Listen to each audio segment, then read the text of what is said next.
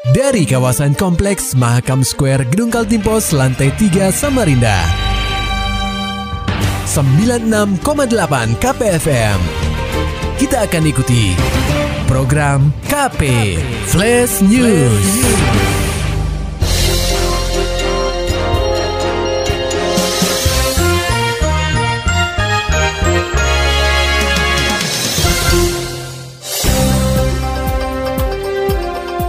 Anda sedang menyimak program KP Flash News bersama saya Agung Pratama.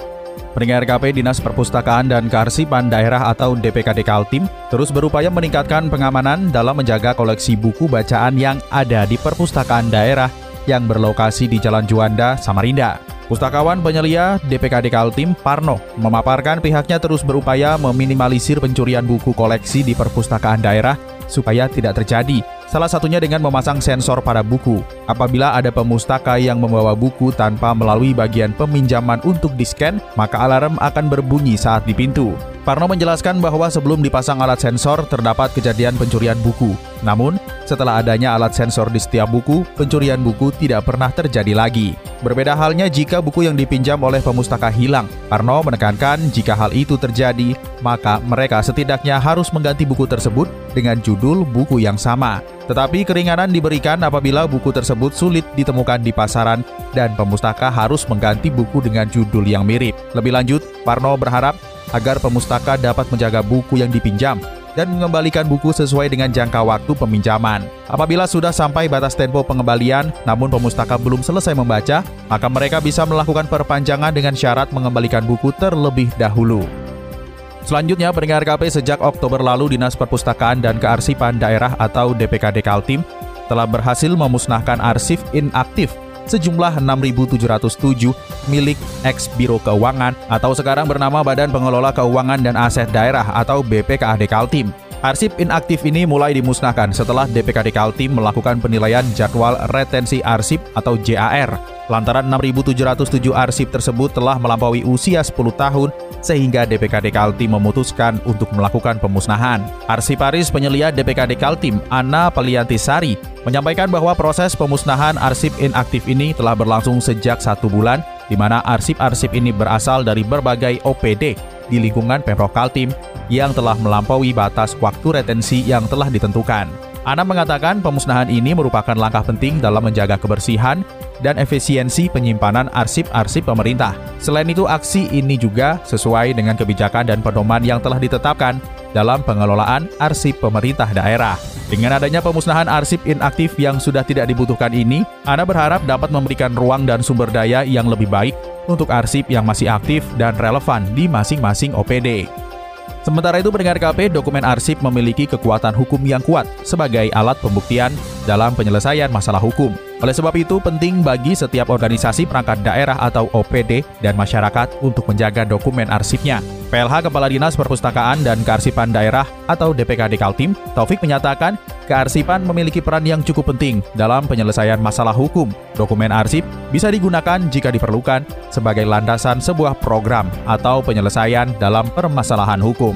Taufik membeberkan banyak alat bukti dalam bentuk arsip belum dikelola dengan benar, baik untuk instansi maupun di lingkungan masyarakat. Padahal arsip milik instansi ataupun perorangan sangat penting untuk dijaga, karena arsip-arsip itu memiliki nilai penting terkait dengan kepastian dan legalitas hukum. Untuk tata kelola arsip yang lebih baik di lingkungan Pemprov Kaltim, Taufik mengatakan pihaknya telah melakukan sosialisasi kearsipan berbasis elektronik kepada setiap OPD melalui aplikasi Sri Kandi. Aplikasi Sri Kandi merupakan sistem pengarsipan berbasis digital yang mampu meminimalisir kehilangan ataupun kerusakan dokumen.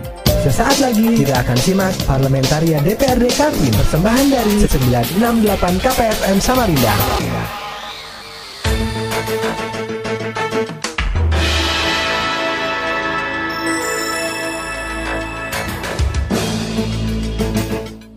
APBD Kaltim masih sanggup biayai, Jahidin tolak penghapusan tenaga honorer. Laporan selengkapnya akan disampaikan reporter KPFM Samarinda, Muhammad Nur Fajar. Pendengar KP, anggota Komisi 1 DPRD Kaltim, Jahidin, menolak dengan tegas keinginan pemerintah pusat yang ingin menghapus semua tenaga honorer. Menurutnya, DPRD Kaltim menolak penghapusan tenaga honorer di lingkungan Pemprov Kaltim sesuai dengan kebijakan Gubernur Kaltim sebelumnya, Isran Nur. Politisi PKB ini menegaskan, Seperti yang diketahui bersama, Isran Nur yang menjabat sebagai Gubernur Kaltim periode 2018-2023 itu menjadi pionir di kalangan kepala daerah seluruh Indonesia yang menolak penghapusan tenaga honorer. Jahidin menyatakan, keputusan mantan orang nomor satu di benua etam itu dirasa sangat efektif dan menuai banyak dukungan. Mengingat banyak sekali tenaga honorer di Kaltim yang sudah mengabdi cukup lama di lingkungan pemerintahan dan memiliki keluarga yang harus ditanggung. Jika mereka diberhentikan, maka ke mana lagi mereka akan bekerja? Jahidin mengatakan, pemerintah pusat tidak perlu khawatir dengan beban anggaran untuk pembayaran gaji tenaga honorer di Kaltim, karena anggaran APBD Kaltim selalu mengalami peningkatan setiap tahunnya dan itu dapat digunakan untuk membayar gaji tenaga honorer. Apalagi anggaran APBD Kaltim kan saudara-saudara kan tahu sekarang cukup meningkat. Jadi ya tentu kita mendukung karena yang kita berhentikan itu adalah keluarga kita sendiri. Di mana mereka mencari lapangan pekerjaan kalau sampai diberhentikan. Apalagi yang di usia-usia sudah di atas 40-50 masuk ke perusahaan swasta pun tidak mungkin diterima lagi. Saya kira gubernur berikutnya juga kan ya harus mengikuti arahan gubernur karena itu suatu kebijakan yang ditetapkan oleh beliau. Lebih lanjut, Jahidin berharap bahwa gubernur berikutnya yang akan memimpin Kaltim juga bisa mengikuti kebijakan Isran Nur yang tidak akan menghapus tenaga honorer. Artinya, baik itu PJ gubernur sekarang maupun kepala daerah yang akan datang harus mengikuti arahan gubernur terdahulu karena itu merupakan suatu kebijakan yang ditetapkan oleh yang bersangkutan. KPFM Samarinda, Muhammad Nur Fajar melaporkan. Pendengar KP, peraturan daerah atau perda pengaruh utamaan gender dalam pembangunan daerah atau PUG menjadi sebuah pedoman bagi organisasi perangkat daerah atau OPD di lingkungan Pemprov Kaltim dalam mengimplementasikan prinsip responsif gender di satuan kerjanya. Namun dalam ruang lingkup implementasinya, perda ini tidak hanya mengatur perempuan sebagai objeknya, melainkan gender lain yakni laki-laki. Menurut anggota Komisi 4 DPRD Kaltim, Fitri Maisyaroh, selain memenuhi kebutuhan kaum Hawa, OPD juga wajib mengakomodir kebutuhan kaum Adam. OPD dituntut untuk bisa menempatkan kebutuhan perempuan pada tempatnya, serta kebutuhan laki-laki pada tempatnya. Tidak hanya perempuan dan laki-laki, Fitri menambahkan kaum disabilitas juga mendapat perhatian dalam Perda PUG yang baru saja disahkan. Politisi PKS ini menyebutkan seluruh OPD di lingkungan Pemprov Kaltim tanpa terkecuali wajib mengakomodir pelayanan terhadap kaum disabilitas. Makanya perlu dipahami apa sih yang disebut dengan PUG. Jadi PUG itu uh, bukan sekedar pengarus utamaan perempuan, tapi bagaimana menempatkan kebutuhan perempuan pada tempatnya, laki-laki juga pada tempatnya, termasuk bicara PUG itu juga sebenarnya bicara disabilitas. Ya. Seperti itu. Bagaimana mari mari kita perhatikan di perangkat-perangkat daerah kantor mereka udah semua nggak mengakomodir kebutuhan uh, disabilitas bisa nggak mereka akses maksudnya itu tanpa terhalang itu juga PUG sebetulnya siap, siap. Dari berbagai faktor tersebut, Fitri menegaskan bahwa Perda PUG tidak hanya mengatur tentang kaum perempuan semata, tetapi juga mengakomodir segala keperluan dari laki-laki hingga kaum disabilitas. Sementara itu Ketua DPRD Kaltim Hasanuddin Masud menghadiri upacara peringatan Hari Pahlawan ke-78 di Taman Makam Pahlawan atau TMP Kesuma Bangsa Jumat 10 November 2023. Bahkan usai mengikuti apel, pria yang akrab disapa Hamas itu juga menyempatkan diri untuk menabur bunga di salah satu makam pahlawan. Dalam Hari Pahlawan ke-78, pemerintah mengusung tema semangat pahlawan untuk masa depan bangsa dalam memerangi kemiskinan dan kebodohan. Berkaca dari tema itu, Hasanuddin Masud berharap semangat dan pengorbanan pahlawan masa lalu bisa menjadi sumber inspirasi berharga bagi generasi muda saat ini. Politisi Golkar ini menjelaskan, semangat Hari Pahlawan tidak hanya dirayakan setahun sekali, tetapi tetap menjadi pijakan dalam tindakan sehari-hari. Setiap tindakan, setiap keputusan atau kebijakan yang dibuat sudah sepatutnya menjadi bagian dari langkah mengobarkan semangat pahlawan dalam membangun ekonomi Nusantara serta mewujudkan Indonesia menjadi lebih sejahtera. Hamas menambahkan, pemerintah tentu tidak dapat bekerja sendiri dalam mencapai segala tujuan yang dicanangkan. Perlu adanya dukungan dan peran aktif dari berbagai elemen masyarakat. Contohnya seperti dunia usaha yang dapat memberikan lapangan kerja dan pemberdayaan ekonomi kepada masyarakat miskin. Selain itu, media massa juga dapat mengedukasi masyarakat tentang pentingnya pendidikan. Oleh sebab itu, Hamas mengajak agar seluruh masyarakat untuk sama-sama memupuk rasa kebersamaan dan gotong royong seperti yang diajarkan para pahlawan. Pendengar KP sebagai bentuk apresiasi kepada insan penyiaran di benua etam, KPID Kaltim menggelar Malam Anugerah Penyiaran KPID Kaltim 2023 yang berlangsung di Grand Ballroom Hotel Bumi Senyur Samarinda, Sabtu 11 November 2023. Kegiatan rutin garapan KPID Kaltim ini mengangkat tema kolaborasi penyiaran dalam menyongsong ibu kota Nusantara.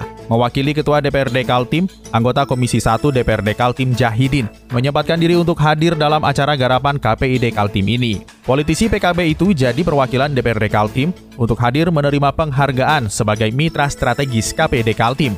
Dalam kesempatan itu, Jahidin memberikan apresiasi atas terselenggaranya Malam Anugerah Penyiaran KPID Kaltim 2023 dan ucapan selamat kepada para pemenang. Menurut Jahidin, anugerah penyiaran ini bukan sekedar acara apresiasi, tapi merupakan syiar bagi KPID Kaltim agar norma penyiaran di benua etam bisa berjalan baik. Mewakili lembaga legislatif, tentu saja Jahidin menyambut baik dan memberikan apresiasi yang tinggi atas gelaran acara ini.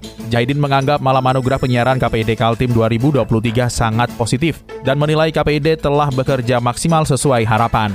Patut diketahui bahwa seleksi komisioner KPID Kaltim memang dilaksanakan di DPRD Kaltim melalui Komisi 1. Lebih lanjut, Jahidin berharap Pengawasan lembaga penyiaran publik juga bisa menyasar pada platform digital yang kini banyak menjamur melalui kanal media sosial. Hal ini dilakukan supaya konten-konten yang ditampilkan memperhatikan norma-norma penyiaran publik. Berita selanjutnya, pendengar KP 9 desa di Kabupaten Kutai Barat atau Kubar memiliki akses jalan utama yang jauh dari kata layak. Agar jalan utama di desa tersebut bisa mulus, Komisi 3 DPRD Kaltim menyarankan agar kepala desa atau kades di 9 desa itu mengajukan permohonan bantuan keuangan atau banku kepada Pemprov Kaltim supaya dapat dianggarkan untuk proses perbaikan jalan. Ketua Komisi 3 DPRD Kaltim, Feridiana Hurakwang menjelaskan, Pihaknya memang banyak menerima keluhan soal jalan rusak, di mana aspirasi itu disampaikan oleh Prakades. Kali ini mereka menerima keluhan dari Kades di Kubar. Namun politisi PDIP ini menyampaikan kepada para Kades agar bersabar, mengingat informasinya Pemprov Kaltim tengah merencanakan perbaikan jalan di wilayah Kubar. Ferry menambahkan, terkait rencana itu, Kades yang ada berharap agar rencana perbaikan itu juga turut menyertakan wilayah mereka, sehingga desa mereka juga bisa merasakan fasilitas yang bagus. Namun, perlu dipahami bahwa jalan yang rusak itu statusnya bukan jalan provinsi. Oleh sebab itu, maka untuk perbaikan memang bukan masuk di wewenang Pemprov Kaltim.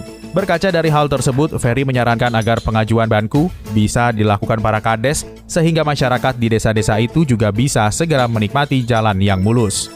Terima kasih. Baru saja kita simak Parlamentaria DPRD Kaltim. Persembahan 968 KKPFM Samarinda. Beralih ke dunia ekonomi, pendengar KP Budi Widi Hartanto memperkirakan ekonomi Kaltim tahun 2023 bisa tumbuh. Laporan selengkapnya akan disampaikan reporter KPFM Samarinda, Maulani Al-Amin. Pendengar KP, Kepala Kantor Perwakilan Bank Indonesia Provinsi Kalimantan Timur Budi Widi Hartanto memperkirakan ekonomi Kaltim tahun 2023 bisa tumbuh antara 5,8 hingga 6,6 persen atau lebih tinggi dari pertumbuhan ekonomi nasional. Hal itu disampaikan Budi Widi Hartanto dalam kegiatan peningkatan kapasitas wartawan Senin 13 November 2023. Pertumbuhan ekonomi yang steady, bagus, tiba-tiba beberapa negara mengalami pertumbuhan yang negatif terjadi yang namanya koreksi-koreksi revisi-revisi baik dari berbagai apa analisis dunia ya gitu ya baik World Bank, IMF, kita juga Bank Indonesia maupun juga uh, beberapa beberapa lembaga dunia lainnya yang melakukan revisi atau revise. Menurut Budi, optimismenya itu didasarkan pada pertumbuhan ekonomi Kaltim pada triwulan 2 dan 3 yang begitu bagus. KPFM Samarinda, Maulani Al-Amin melaporkan. Maulani Alamin, Muhammad Nur Fajar, KPFM Samarinda. Serta dapatkan berita-berita selengkapnya di www.968kpfm.co.id. Demikian tadi telah kita simak rangkaian berita-berita yang terangkum dalam program KP Flash News. Persembahan dari 96,8 KPFM. Terima kasih dan sampai jumpa.